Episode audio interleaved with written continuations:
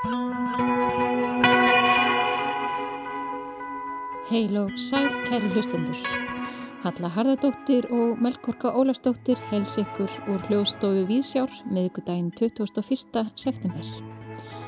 Arkitektúr fyrir fólk, harmonika í einangrun, dokumenta í kassel og videolist í hveragerði í þætti dagsins. Hvernig sköpum við saman? Hvernig dreymum við saman heim sem heldur utanum alla? Þetta er einn þeirra spurninga sem verða reyfaðar á hugarflögi á morgun og föstudag árlegri rannsóknaráðstefnu Listaháskóla Íslands. Hugarflugur vettvangur fyrir opna, faglega og gaggrína umræðu um listir, hönnun og arkitektúr en þemaháttíðarnar þetta árið er engin er eiland. Leitast verður við að greina þá viðsjárverðu tíma sem við lifum og hugsa hvernig best sé að hlúað samfélögum okkar og næra grungildi þeirra. Fjöldi fólks tekur til máls og meðal þeirra er Karl Kvaran, arkitekt, en hann opnar hugarflug með stafrætni innsetningu sem tengir saman franska heimsbyggi Eduard Glissant og framtíðarsín bandaríska arkitektsins Richard Buckminster Fuller. Karl Kvaran verður gestur okkar hér rétt á eftir. Í listasafni Árnesinga í hverakerði opnaði nýlega metnaðfull síning undir yfirskriftinni Summa og Sundrung.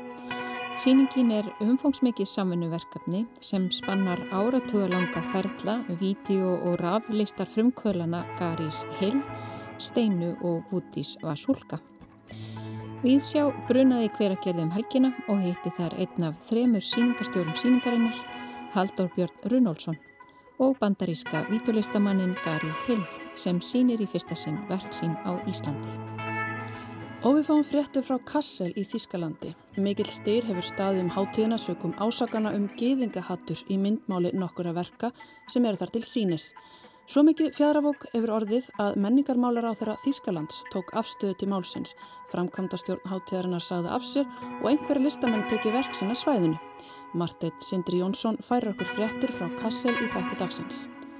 En við hefum þáttinn í dag með góðum gesti. Á hugaflugi á morgunstíga listamenn, arkitektar, hönnuður og fræðmenn á stokk og leytast við að greina tíðrandan og þá vísjár verðu tíma sem við lifum.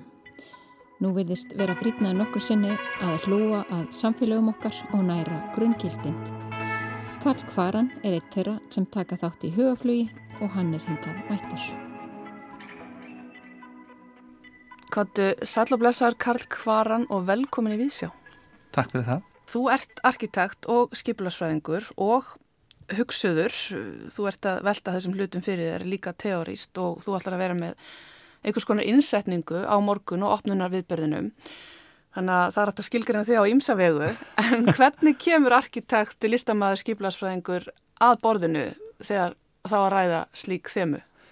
Ég held að það sé sérstaklega mikilvægt að, að flestir komi að borðinu þegar maður ræði svona, svona þemur og það sé ekki bara þessi pólitíska og efnaðslega vitt heldur ég held sem mjög mikilvægt að bæði listamenn, arkitektar og skipilarsvæðingar og sem á aðri, bara allir í þjóðfélaginu tjái sig um þessi málefni.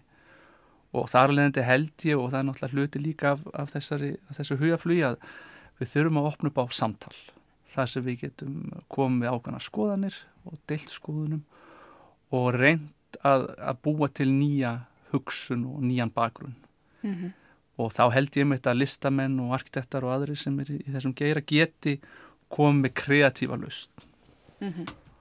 og það rítufundur hafa verið mjög öflugir, skrifa mikið og ég held að nú sé komin tíma fyrir arkitekta og listamenn einni til þess að, til þess að ræðum þessi mál mm -hmm. og þarlegandi held ég sem mikilvægt er stjórnmálamenn og aðra að fá það til liðsviðsinn, fá mm -hmm. heimsbyggingina, fá til liðsins hvernig ná að endur skoða heiminn mhm. sem við búum öll í. Arkitektar hafa þetta í gegnum söguna verið hluti af því að endur hugsa heiminn og kannski áður tóku virkari þátt með politikusum í því að móta bara samfélaginn og hanna borgir og, og, hérna, og þar að leiðandi stýra því hvernig við lifum. Mm -hmm. Já, já, það er alveg rétt og, og hvert land eða hver menning hefur, hefur sín referans. Það er, það er endar lítið hefð á Íslandi kannski fyrir að fá sagt, listamenn eða arkitekta uh, á, á þessu stíi en ég held einmitt að við séum tilbúin núna á Íslandi til þess. Ég held að sérstaklega maður horfur á nýju kynnslóðina og nefnendur mínir í listaháskólum þetta er allt ungt fólk sem vil breyta heiminn sem er búin að átta sig á því að heimurinn er einn held og við séum hluta af henni og þar að leðandi held ég að, þetta sé bara spurningi núna hvernig getur vel tengst og rætt málinn og, og, og verið kreatív saman. Mm -hmm. Sér að unga fólki í listaáskólum í dag vilji breyta heimunum, vill unga fólki ekki alltaf breyta heimunum eða heldur það sem meira núna heldur en, er það, er það kannski meira kníjandi núna heldur en áður? Já, það sem er aðeinsast nýju kynnsluna, hún, hún er, það hefur verið svona ákveð þegar maður horfur svona síðasta árin að bæði með COVID og, og, og líka með þessar loftlagsbreytingar að það, það hefur nánast verið ákveðin svona endalók, heim, heimsins hugmynd Emitt. Og sem kemur svona á 20, 30, 40 ára fresti, jújú, og hérna, en hún er virkilega núna til staðar og eins og, eins og maður átt að sem er loftlagsbreytingum þá er þetta eins og svona fyrsta elementið á samt stríðshörmónungunum þar sem við mhm. virkilega áttum okkur á því að það sem er að gerast fyrir utan okkar eigin landamæri hefur áhrif á okkur og, og þetta unga fólk átt að segja alveg á því þetta er svo kallega svona post-internet kynnslóð átt að segja á því á mjög náttúrulega hátt við sem hlutavitni hild mm -hmm. og hefur mjög auðvelt með að hugsa það Eru þetta mun tengdari heldur en fyrir kynnslóður? Og eru mun tengdari og það er endilega mjög náttúrulega fyrir þau að, að, að, að skilja þá skinnja að þau eru hluta sama samfélagi og einhver í Asju, Suður Ameríku. Einmitt. Hvað munu gestir hugaflug sjá á morgun? Hvað berð þú á borðinu? Þetta er einhvers konar eh, stafræn innsetning. Já, þetta er stafræn innsetning og hérna svona, verkefni heitir World in Progress sem er nú jákvægt sem, og svona er fjallarunum það að við verðum að horfa á heiminn sem einhvað dýnamist, ekki einhvað statist. Og þetta er að það verður varp, varpað, við munum varpa hérna heimskortum um, sem sína svona á fjölbreyð á, á svona mismunandi vegu hvernig heimurinn lítur út á þess að vera með þessi klassísku landamæri heldur út frá mismunandi tematík, hvort sem það sé veðufar, hvort sem það sé borgir, hvort sem það sé náttúra.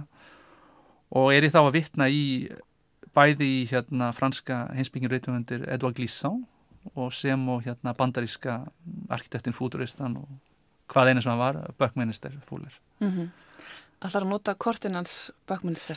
Þannig hugmyndin er að, að, við, að ég nota sem sagt formið á kortunum hans Böckminister en ég mhm. endur tólkaðu og endur teiknaðu og sitt nýja tematík og út frá í rauninni svona þessum grunngildum franska heimsbyggingsins glísá þá reynir, ég svona að búið til kort sem sína í rauninni hvernig heimurinn getur verið síður í dag Segðu mér og hlustundum aðeins frá kortum bakminister af því að þau eru ansið sérstök.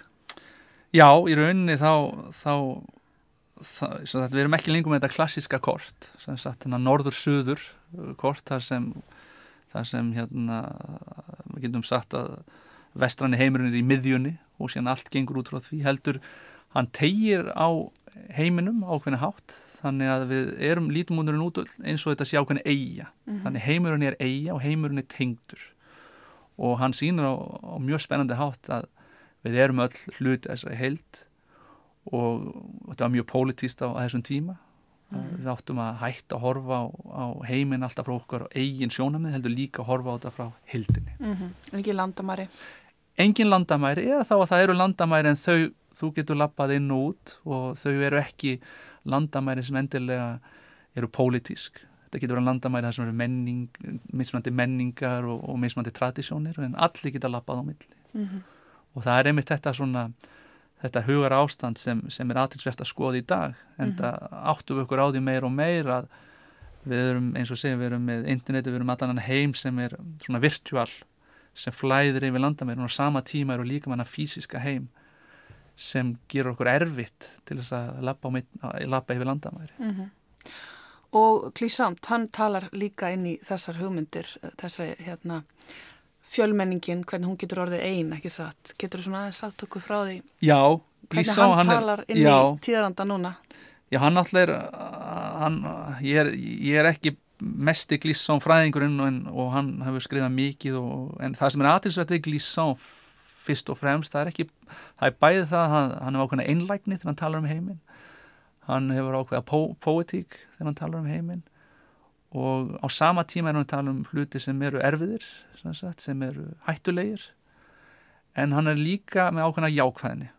Og hann er að reyna að sína fram á það að við sem einstaklingar getum breytt heiminum eða breytt ákveðnu hugafari og allt þetta og rauninni hans verk eru mikil byggð upp á tengsl.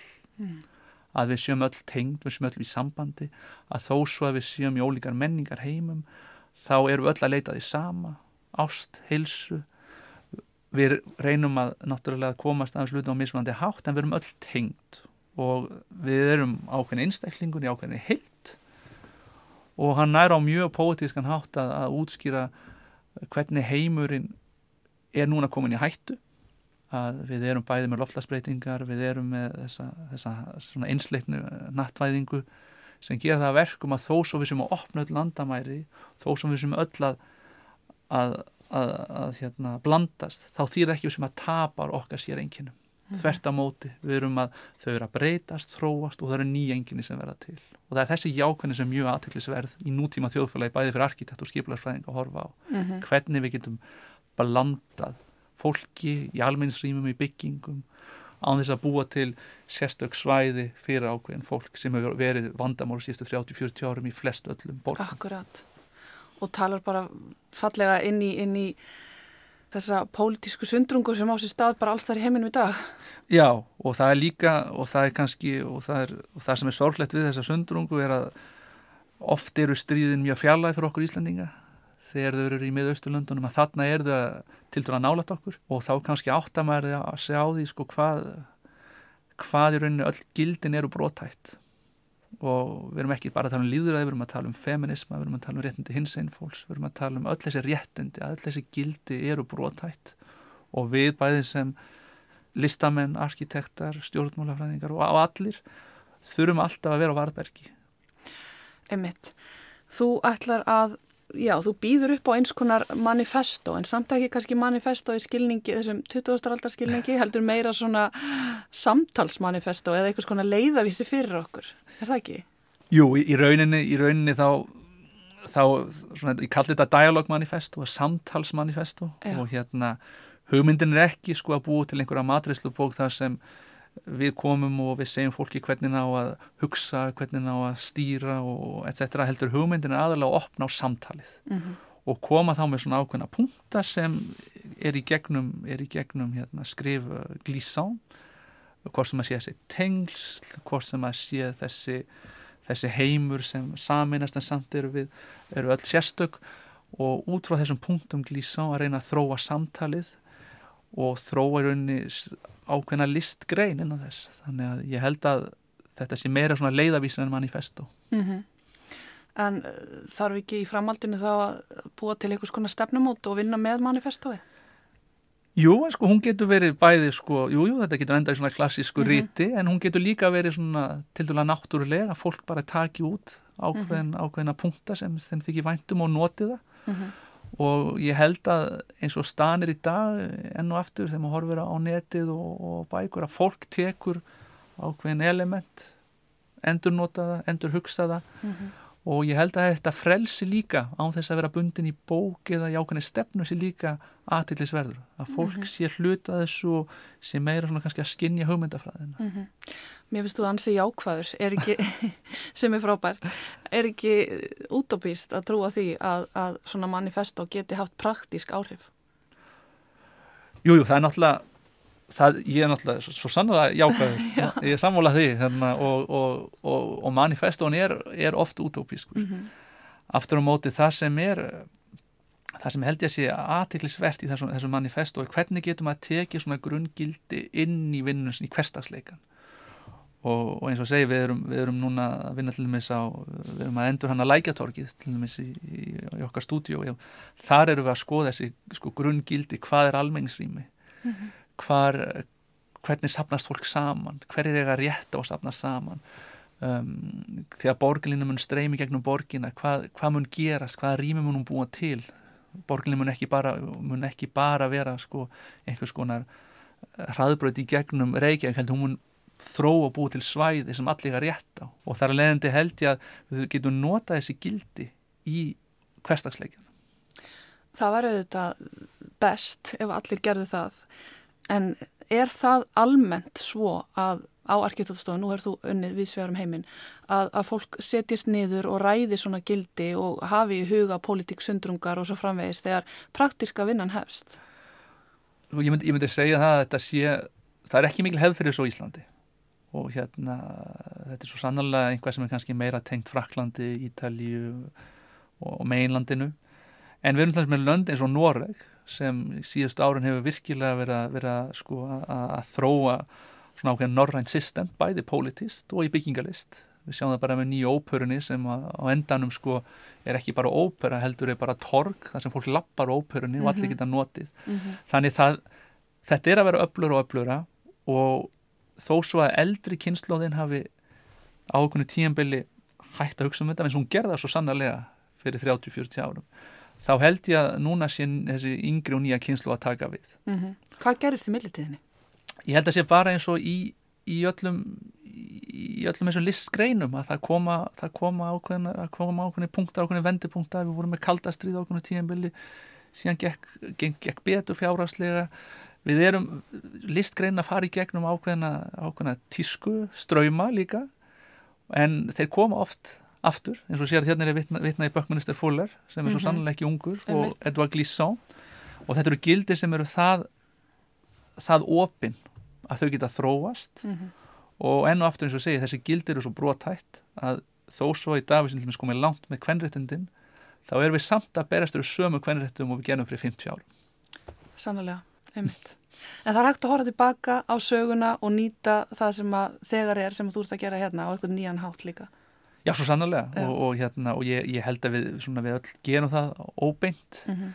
en ég held að þessi líka allir að sjá hvernig við getum orðið kreatív mm -hmm. að, að, að við erum ekki bara sagfræðingar að segja hvernig þetta var að, að við líka út frá rannsóknum út frá, út frá hugmyndum að við þróum þetta, tökum okkur tíma og, og og þá verður fólk að gefa okkur tíma líka eins og í arkitektur og skiplasvæði það er, það er ekki bara nóg held ég að byggja byggingu, tala um efni og form heldur við þurfum að fá tíma og, og bæði ríkið, borgin, verkefni að þurfa að skilja það að við erum að byggja samfélag. Þetta er held ég bara góð lokaður, Karl. Það þurfa allir að skilja það að það þarf að byggja hér samfélag. Takk innilega fyrir komin að vísjá og gangið vel með hérna, þessa innsetningu á morgun á hugarflögi og áfram vel með þín verkefni Takk fyrir kjærlega. Halla rætti þarna við Karl Kvaran arkitekt sem opnar álega rannsóknaráðstöfnu Listaháskóla Íslands á morgun klukkan fjögur í húsnæði Listaháskólans í Lauganesi. En þá að tónlistinni. Í kvöld fara fram áhugaverðir tónleikar í Mingi við Óðinskötu. En þar munu franski bandoneonleikarin Olivier Manuri og Kjartan Valdimarsson píjánuleikari leika jazz og heimstónlist undir áhrifum frá franskri og íslenskri tónlist og þar mun spunni leika stort hlutverk. Á tónleikonum mun Olivier einni kynna nýjan geysladisk Duo Solo sem hann tók upp í COVID-einangurinn í París. Í einangurinn í íbúðsinn í borginni tók Olivier upp á því að spila á akkordínu en það er lítið og nett hljóðfari með nótnaborð sem spilaður á með fingrunum líkt á harmoniku en einni er blásíða líkt á munnhörpu. Hljóðfari var fyrst smíðað á 20. áratug síðustu aldar, tölvert notað af djössurum og var þá í nokkuri framlegslu um tíma. Það var þó nær fallið í glemsku þegar hljóðfæri smiður í Suður Fraklandi tók að smíða þá nýjan leik. Þar fekk Óliver sitt hljóðfæri sem hann skilur vist aldrei við sig í dag, saðan okkur frá. Hann var gjörsamlega hugfangin af akkordínunni en áttaði sig fljóðlega á því að hann gæti ekki tekið upp bæði hljóðfærin í einu.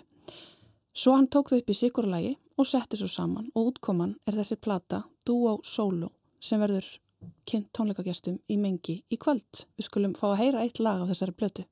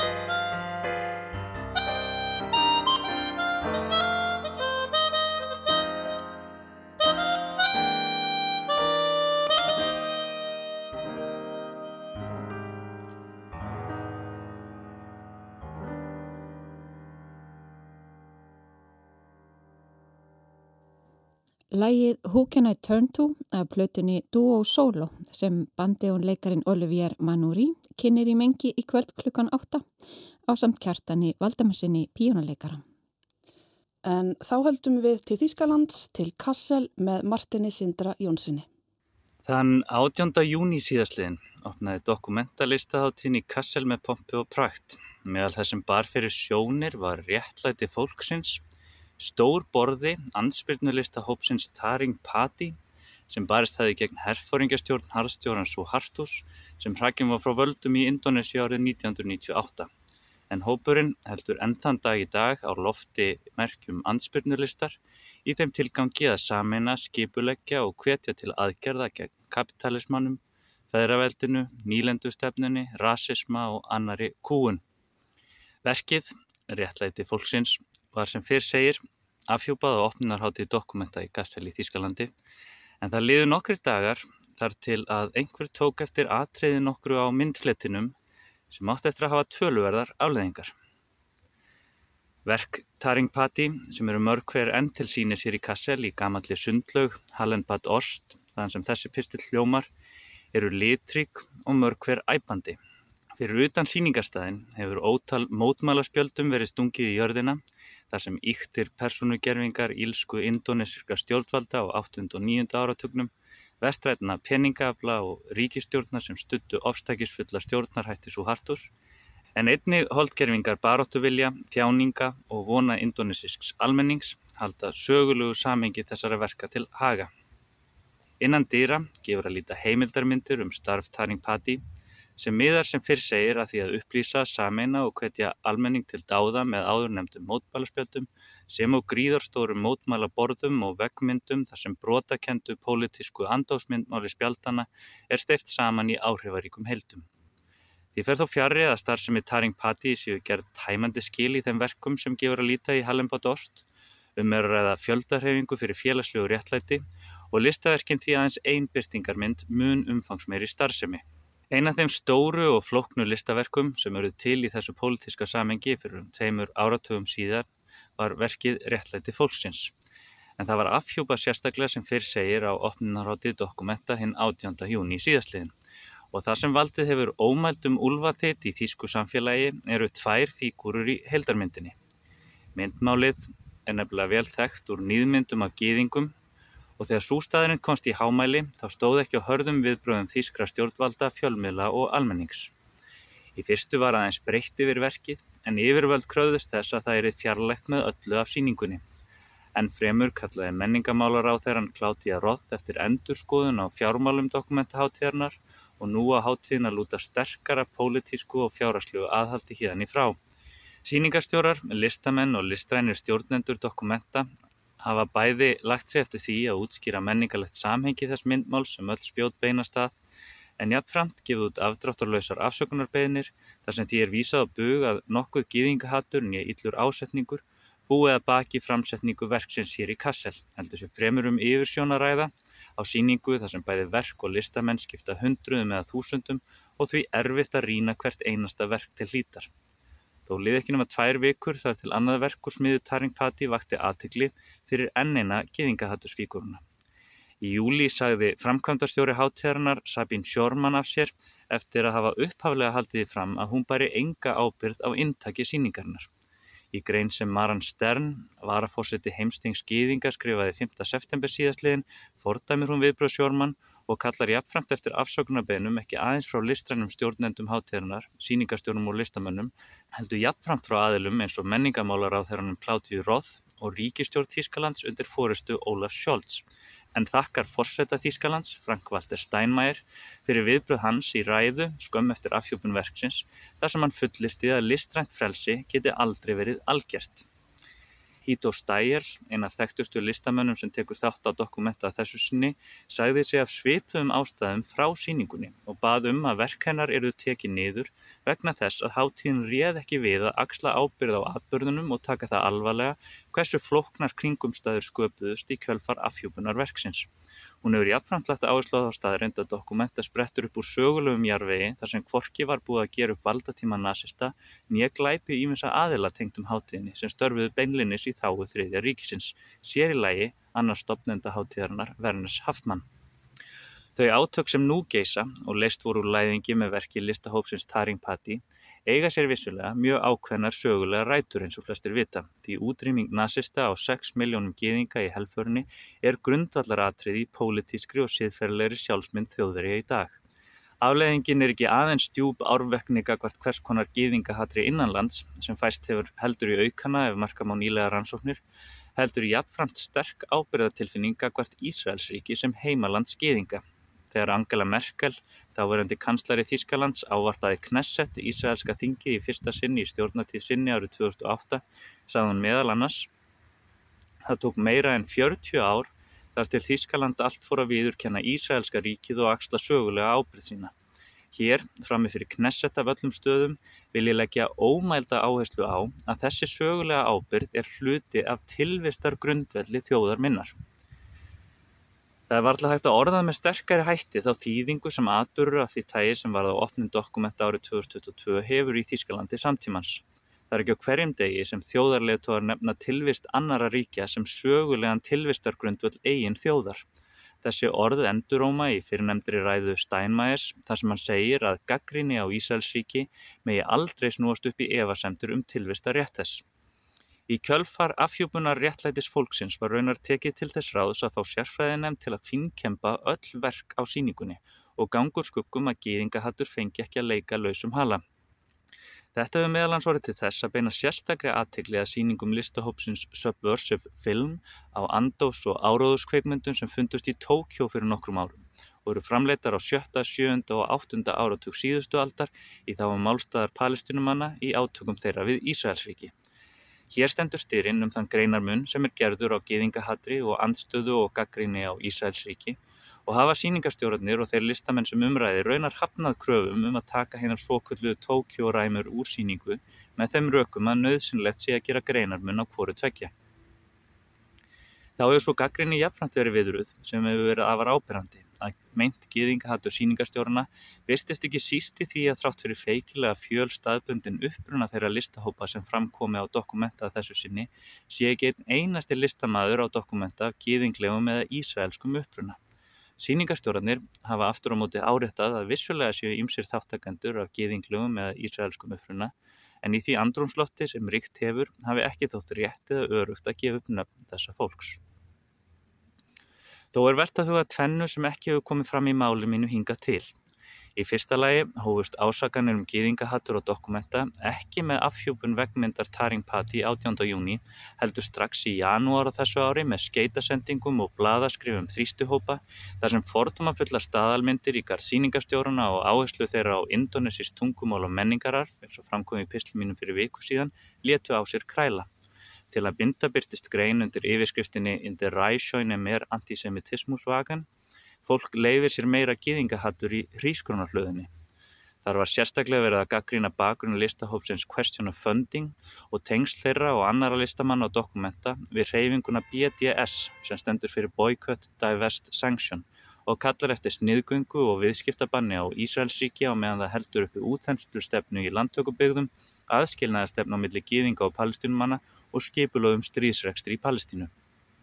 Þó er ekki síst alvarlegt að aðstandendur síningarinnar, síningastjórar og listamenn hafa orðið fyrir beinu aðkasti og fengið líflátshótanir á undanförnum mánuðum, auk þess sem brotist hefur verið inn í vinnu og síningarými og ímiskonar kynþáta og kynsegin fordómar fengið að leika lausum hala. Og af einhverjum ástæðum hafa þýskir fjölmiðlar og stjórnvöld sínt þessari hlið málsins tölvert minni áhuga en ásökunum um geðingahattur. Loks voru tilraunir til að opna umræðu um öll þessi efni á stóri ráðstefni í mæ hveðnar nýður að sumrasögn vegna þess að samtökkiðinga í Þýskalandi gerðu aðtöðasendir við að á mælendaskrá hallaði ljóslega á ræðumenn sem tækju skýra afstöðu með málstað gaggrinenda dokumenta. Það er sást að horfa upp á þessa atbyrðu alla um leiðu þeir draga fram ímsa átakafleti á þeim fjölstaðbyrna listvettvangi sem dokumentaháttíðin er einmitt ætlað að gera skil. Hagsmunir og skoðanir innan ólíkra listheima rekast þar á við hagsmuni og skoðanir talsmanna ólíkra þjóðfélagshópa, stjórnmálaafla og þjóðuríkja og minna á hvað er í húfi þegar við leiðum hugana tengslum stjórnmála og lista í samtímanum. Markir veltaði fyrir sér hver framtíð dokumentaháttíðarnar sé en mér finnst ákvæmlega leitt ef þetta fær að heldtaka alla umræðu um þessa annars gríðarstóru háttíð sem að svo mörgu leiti heldur á lofti hugmyndum um virðingu og jafnrétti, anspænis, ofbeldi og kúun. Og það er kannski einna helst að maður verði varið við einlíta umræðu hér í Þískalandi því viða annar staðar hefur umræðan aðeins verið daufur ómur. Og þó vinir mínir frá Flensburg hafi lítið annað af dokumenta frétt en að þar gengi gýðingahattur fjöllum hæra, þá eru þó fjölmargir sem leggja leiðsina til Kassel þessa síðustu daga háttíðarinnar, sem líkur 25. september næstkomandi, til að skoða verk Taring Patti Question for Funding og Subversive Film í víðara samhengi starfsemi þessara hópa sem er eftir allt saman mikilvægur hlekkur í því að móta sér skoðun á eðli og kringumstæðum þeirra atburða sem hér hafa verið tíundæðir. Marteit Sindri Jónsson fjallaði um myndlistarháttíðina Dokumenta í Kassel í Þískalandi.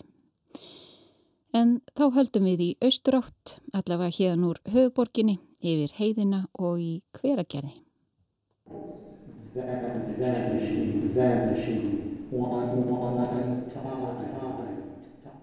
Ég heiti Haldur Björn Rjónólfsson og er aðstöðar síningastjóri uh, á síningunni sem er hérna í listasafni Árni Singa og heitir uh, Sums and Differences eða uh, Summa og Sundrung. Það eru þrýr listamenn sem koma saman. Einn er að vísu fallin frá, það er Woody Vasulka, en konan hans, Steina, hún eh, lifir enn og, og hún er jafnframt í síningunni og svo er þriðji aðilinn, það er Gary nokkur Hill, amerísku listamæður og þau þrjú mynda nokkur skonar þar sem að maður gæti sagt uh, kallað komplementera hvert annað mjög ólíki listamenn og uh, með mjög ólíka nálgun en uh, einhvern veginn gera hluti sem að líka má sjá að hafa ímsa sameigilega punta. Woody og Steina eru af þessari kynnslóð sem að spratt upp eiginlega á þenn tíma þegar að vídeoið var bara í fæðingu. Þau voru eiginlega fyrsta kynnslóð listamanna sem að, sem að gætt gengið að, að videótækinu þannig að það var hægt að halda á því og hérna að vísu var það bara svart kvít og það þurfti til þess að hafa hérna hljóð. Þá þurfti maður að ganga með tösku með hérna, segulbandstæki.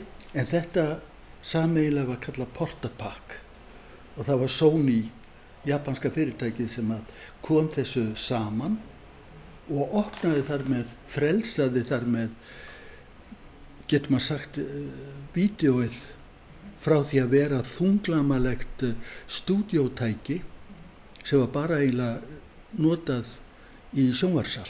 It's happening at the border. Who's the recorder? Is someone taping this? I've got this. I'm speaking and have spoken. Sko það kom mjög fljóðlega í ljós að uh, Woody var svona eins og módernisti því að hann hérna var alltaf á, á höttunum eftir hvað væri á bakvið, videómerkið, hvernig gæti þetta átt sér stað, hvernig, hvernig gæti myndin orðið til og hann vildi í rauninni sko hann var uh, dáldill uh, forleifafræðingur hvað það var þar, hann vildi komast að kjarnanum. En Steina sem náttúrulega fyrluleikari hún er einhvern veginn dregin miklu frekar að auganu að uh, videovelinni sjálfri sem tæki sem er hægt að halda sem sagt styrkri hendi og spila á eins og fyrlu Þess, þetta verður í rauninni ákveðin tókstur í verkum þeirra. Það verður bara að segja eins og er. Uh, þau voru ekkert alltaf sátt uh, á stundum með hvert hitt var að fara. En síðasta verkið sem að, eh, eða nýjasta verkið hennar eh, sem heitir Parallel Trajectories eða eh, samliða vegir eða leiður það sýnir svona það mitt fjallar um, um sundrunguna en líka sameininguna og þetta var eitt af því sem að, að við hugsaðum mikið um að þetta gæti orðið orðið sem titillin á síningunni. Þriðji listamæðurinn á síningunni Summa og Sundrung í listasafni Árnesinga er amerískur frumkvöðl á sviði videolistar Gary Hill. Sá er góðsögn í lifanda lífi og telst til stórviðburða að nú eru verk hans sínd í fyrsta sinna á Íslandi. Gary Hill var meðal fyrstu myndlistamanna til að tilenga sér og þróa áfram myndbands og hljóð einsetningar á sjönda áratug síðustu aldar og hefur meðal annars unni náið með Sony í Japan. Já, hann gerði það og uh, hann er kannski má segja kynsluðan á eftir þeim eða hann er, hann er, uh, hann er fættur rétt eftir 50 að meðan þau eru, meðan Steina er fætt 1940 og Woody var fættur 1937 þannig að hann kemur og fyllir í skarð þeirra þegar þau fluttust frá Buffalo í norðanverðu New York fylki söðu til uh, Santa Fe í New Mexico. Gary Hill ólst upp á strandsvæði í bandaríkjónum og hefur alla tíð stundað mikið brimbretti og hjólabretti Þegar við sjá heimsótti listamannaspjall hans í listasafni Árnesinga um síðustu helgi, tók hann á móti gestum í skærgrætni hettupeisu og saðist laka til að prófa öldurnar úti fyrir ströndum Íslands. Spjall okkar leiðist fljótlega að samsvörunum milli brimbretta íþróttarinnar og listarinnar. Hvernig það að skapa og miðla snúist oft um að stíga ölduna akkurat á rétta augnablikinu með fínstildri næmni fyrir umhvernu. Hann er svo tengdur Kirrahafinu, hann er, uh, er breymbretta uh, hérna maður. Og, og sem slíkur þá, uh, þá hefur hann svo oft uh, hérna reykið sér á hvaða skiptir miklu máli að vera hér og nú í núinu þegar öldurna skella á manni. Og það hefur mjög mótað hans hérna, afstöðu til listar og gert hann svona, hvað maður á að segja, eh, næman fyrir augnablíkinu, þessu fullkomna augnablíki. I think precisely what you described as catching a wave, mm -hmm. that kind of thing, that is something that I think a viewer has to do, to catch what the thing is. Gary sjálfur bendir jáframt á að list upplifun og tólkun á list lúti þessum sömu lögmálum að list upplifun sé ferli sem krefjist virkrar þáttöku einstaklingsins, Hán þurfi að stíga ölduna til þess að listin skilir sér og að í því samhengi geri útskýringar annara lítið gagn. If I describe to you the experience of LSD as opposed to you taking it, believe me, I couldn't even come within a million miles of what it would be. Gary nefnir sem dæmi að ef hann reyndi að útskýra fyrir mér hvernig það væri að taka LSD myndi það aldrei komast nálagt þeirri reynslu sem ég myndi upplifa ef ég tæki sjálf hugvíkandi efni. Það samakjeldu um aðra sterka reynslu eins og þegar hann lendi í slísi og var næstum dáin eða þegar hann horfi á fæðingu svona síns. The way the world reveals itself with that I can I can kind of have a contact sense of that. I know what it is, so I can go back to it. It's like I also almost died in a car accident. You know, it's also seeing a child, my child being born. You know, it's kind of you know all these things have these kind of absolute experiences that you cannot put into words. Gary Hill hefur unnið mikið með tungumálið og merkingafræði í verkum sínum og gerna notað tilvísanir og orðaleiki og ymsar gagvirkar og hugvitsamlegar leiðir til miðlunar. Verufræðilegar pælingar og tvíhyggja er ábyrjandi í verkum hans og á síningunni í listasafni Árnesinga má til dæmis sjá verk sem hverfast um það að kasta peningi og horfa í gegnum hálfullt eða hálftómt glas.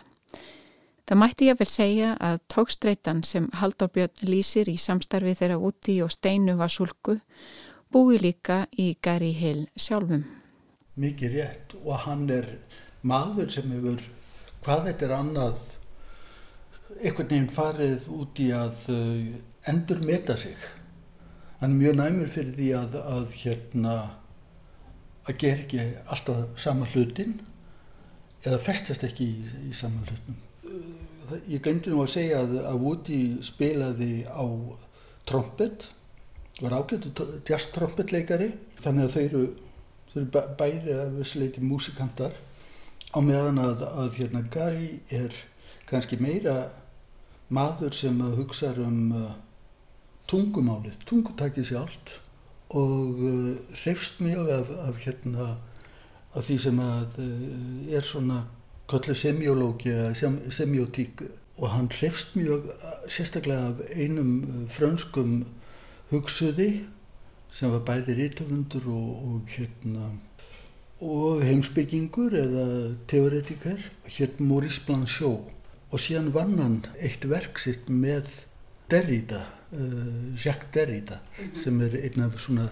þessum stóru mönnum í franskri, franskri formgerðar eða, eða stóðgerðarfræði eins og, man, eins og ég vil kalla það.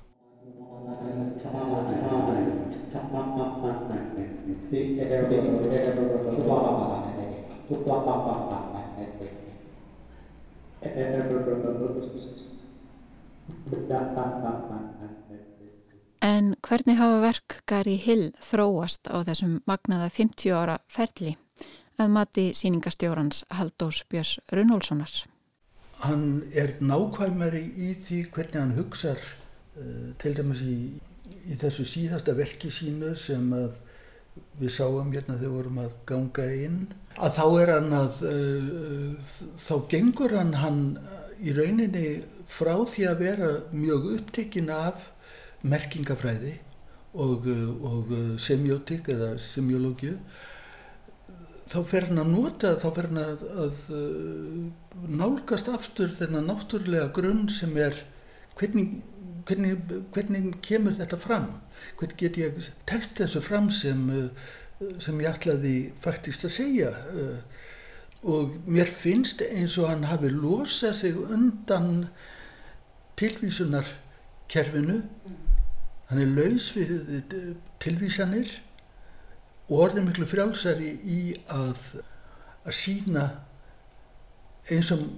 jafnvel sérst í, í þessu verki hans uh, hérna ekkert á ofantöldu eitthvað kjarnatilfinning hér er ég uh, alveg nakinn frammi fyrir tákmálinu og get ekki annað. Það er bara ég verði að nota það sem ég hef til að Skinnfærin, skinnfærin, eirn og augun og, og frásögnina sem að, að það býður upp á. Gary Hill segir mig frá því hvernig hugmyndir geta komið til hans á óvendum tímum en líka leiði því dvala til lengri tíma áður en þær koma fram í listsköpun hans, jáfnvel áratugum setna. Eins og þær dvelji í líkamannum og brjótist fram í hugan síðar. Hann segir líka frá því að þegar hann horfið tilbaka yfir ferilsinn þá sjáu hann að videolistinn hafi sett honum ákveðnar skorður sem hann hafi ekki náða brjótast undan fyrir hann fór að vinna meira með hljóð og tungumál. Og að í dag gæti hann alveg séð fyrir sér að fara alfarið út í það að bara skrifa. Því tungumálinu búi stærsta mysterían en að það leki jáframt allra næst manneskunni. Þar eigi tölvutaknin ennþá ekki séns. You know, I, I, I just feel that language is, is the most human thing. So, and it's always, it's also so, it's almost more mysterious. Gary Hill segi vinnu sína snúast mikið um að brjóta upp eða trubla það sem við lítum á sem sjálfsagt. Það á ekki síst við um myndbandsmiðlinn sem í dag hefur verið herrtekinn af algoritmum og markaðsáhrifum að brjóta upp þá passífu tilveru sem ræður það ríkjum hljótið að vera takmarkið. I really want to interrupt that. Yeah. it's, it's always about interruption really. This kind of passive, kind of really passive acceptance of image, you know, which we, you know, we walk around with our eyes open, right? The impossible has happened. It's the possible we have problems with. Algorithms predict outcomes. How come? Vídeómiðillin hefur tekið stakkaskiptum á þeim áratugum sem liðnir er frá því að þau Gary Hill og Steina Woody Vasulka fóru að vinna með myndbönd í sinni list. Það er sorglegt. Jú, ég verði að segja það og, og ég veit að Steinu finnst það mjög sorglegt hvernig hérna, hvernig uh, það er eiginlega kannski einna helst að uh, að sítera í uh, nýláttinn uh, stórmestara kvikmyndarinnar uh, Jean-Luc Godard sem að sagði á sínu tíma ha, eru menn að bjóða áskrift að sjónvarpi? Mér finnst að, að sjónvarstöðarnar ætti að borga fólki fyrir að horfa þennar hrylling. Því að hérna ég verði að hjáta það að það er það er synd að, að þetta skildi farið þennan farveg að, að auglýsinga eðnaðurinn, að sjónvarsmiðlarnir skildu yfirtaka þessa frábæru takni því að hérna í árdaga þegar að þessir þremenningar voru að byrja þá var þetta svo sterk opnun. Þetta hafði svo þetta, þetta, þetta var í rauninni svo mikill framtíðað miðill og skipt svo miklu máli þannig. Og það er syndað að hugsa til þess að, að, að þetta skulle allt lokast inn í einhverjum pakka af merkingalausri neyslu. Það, það er það. Þessi verk eru samt sem áður þegar, kom, þegar ég kem inn á þessa síningu er þetta samt mjög sterk verk. Mjög. Og það, og það er það sem að gefur manni alltaf, það er þessi von sem að góðir listamenn veitamanni þegar maður segir, þegar maður stendur og segir oh, þetta er alltaf verða það sama það er allir að elda hvern annan og uh, þetta er allt orðin einn ein merkingalöðs kása þá er alltaf ykkur Tilfinningin fyrir því að á síningunni Summa og Sundrung í listasafni Árnesinga megi einmitt finna list þessa einhvers eða einhverja sem standa upp úr og út úr er sterk. Gary Hill segir að tengingin á milli þeirra steinu og vúti vasulku hafi verið djúb allt frá því að þau kynntust á sjönda áratug síðustu aldar. En að með þessari fyrstu samsýningu á verkum þeirra, yfirsýninni og endurlitinu, hafi þessi tenging raungerst á alveg nýjan og áhrifamikinn hátt. Uh, you know, almost like a newfound intimacy connected in ways um, underneath. Sort of, sort of like a a, a behind the scenes connections, uh, which I didn't really think about before like that, you know. Mm-hmm. I kind of felt like on the outside, and then suddenly I'm here, and I'm, yeah. So it's it, feels good, Yeah. actually. Like an unconscious connection. Yeah, yeah, absolutely, yeah. Melgorka rætti hér við bandaríska vítjólista frumkvöðlinn Gary Hill og Haldur Björn Runálsson, einn síningastjóra síningarinnar Summa og Sundrung sem nú stendur yfir í listasafni Árnesinga í hveragerði. Og með því líkur þætti dagsins. Við sjá verðum með óvinnjulegu sniði á morgun en þá verður fluttur heil þáttur tilengaður nýri plötu Bjarkar Guðmundsdóttur, Fossóra. Takk fyrir samfélgina í dag og verið sæl.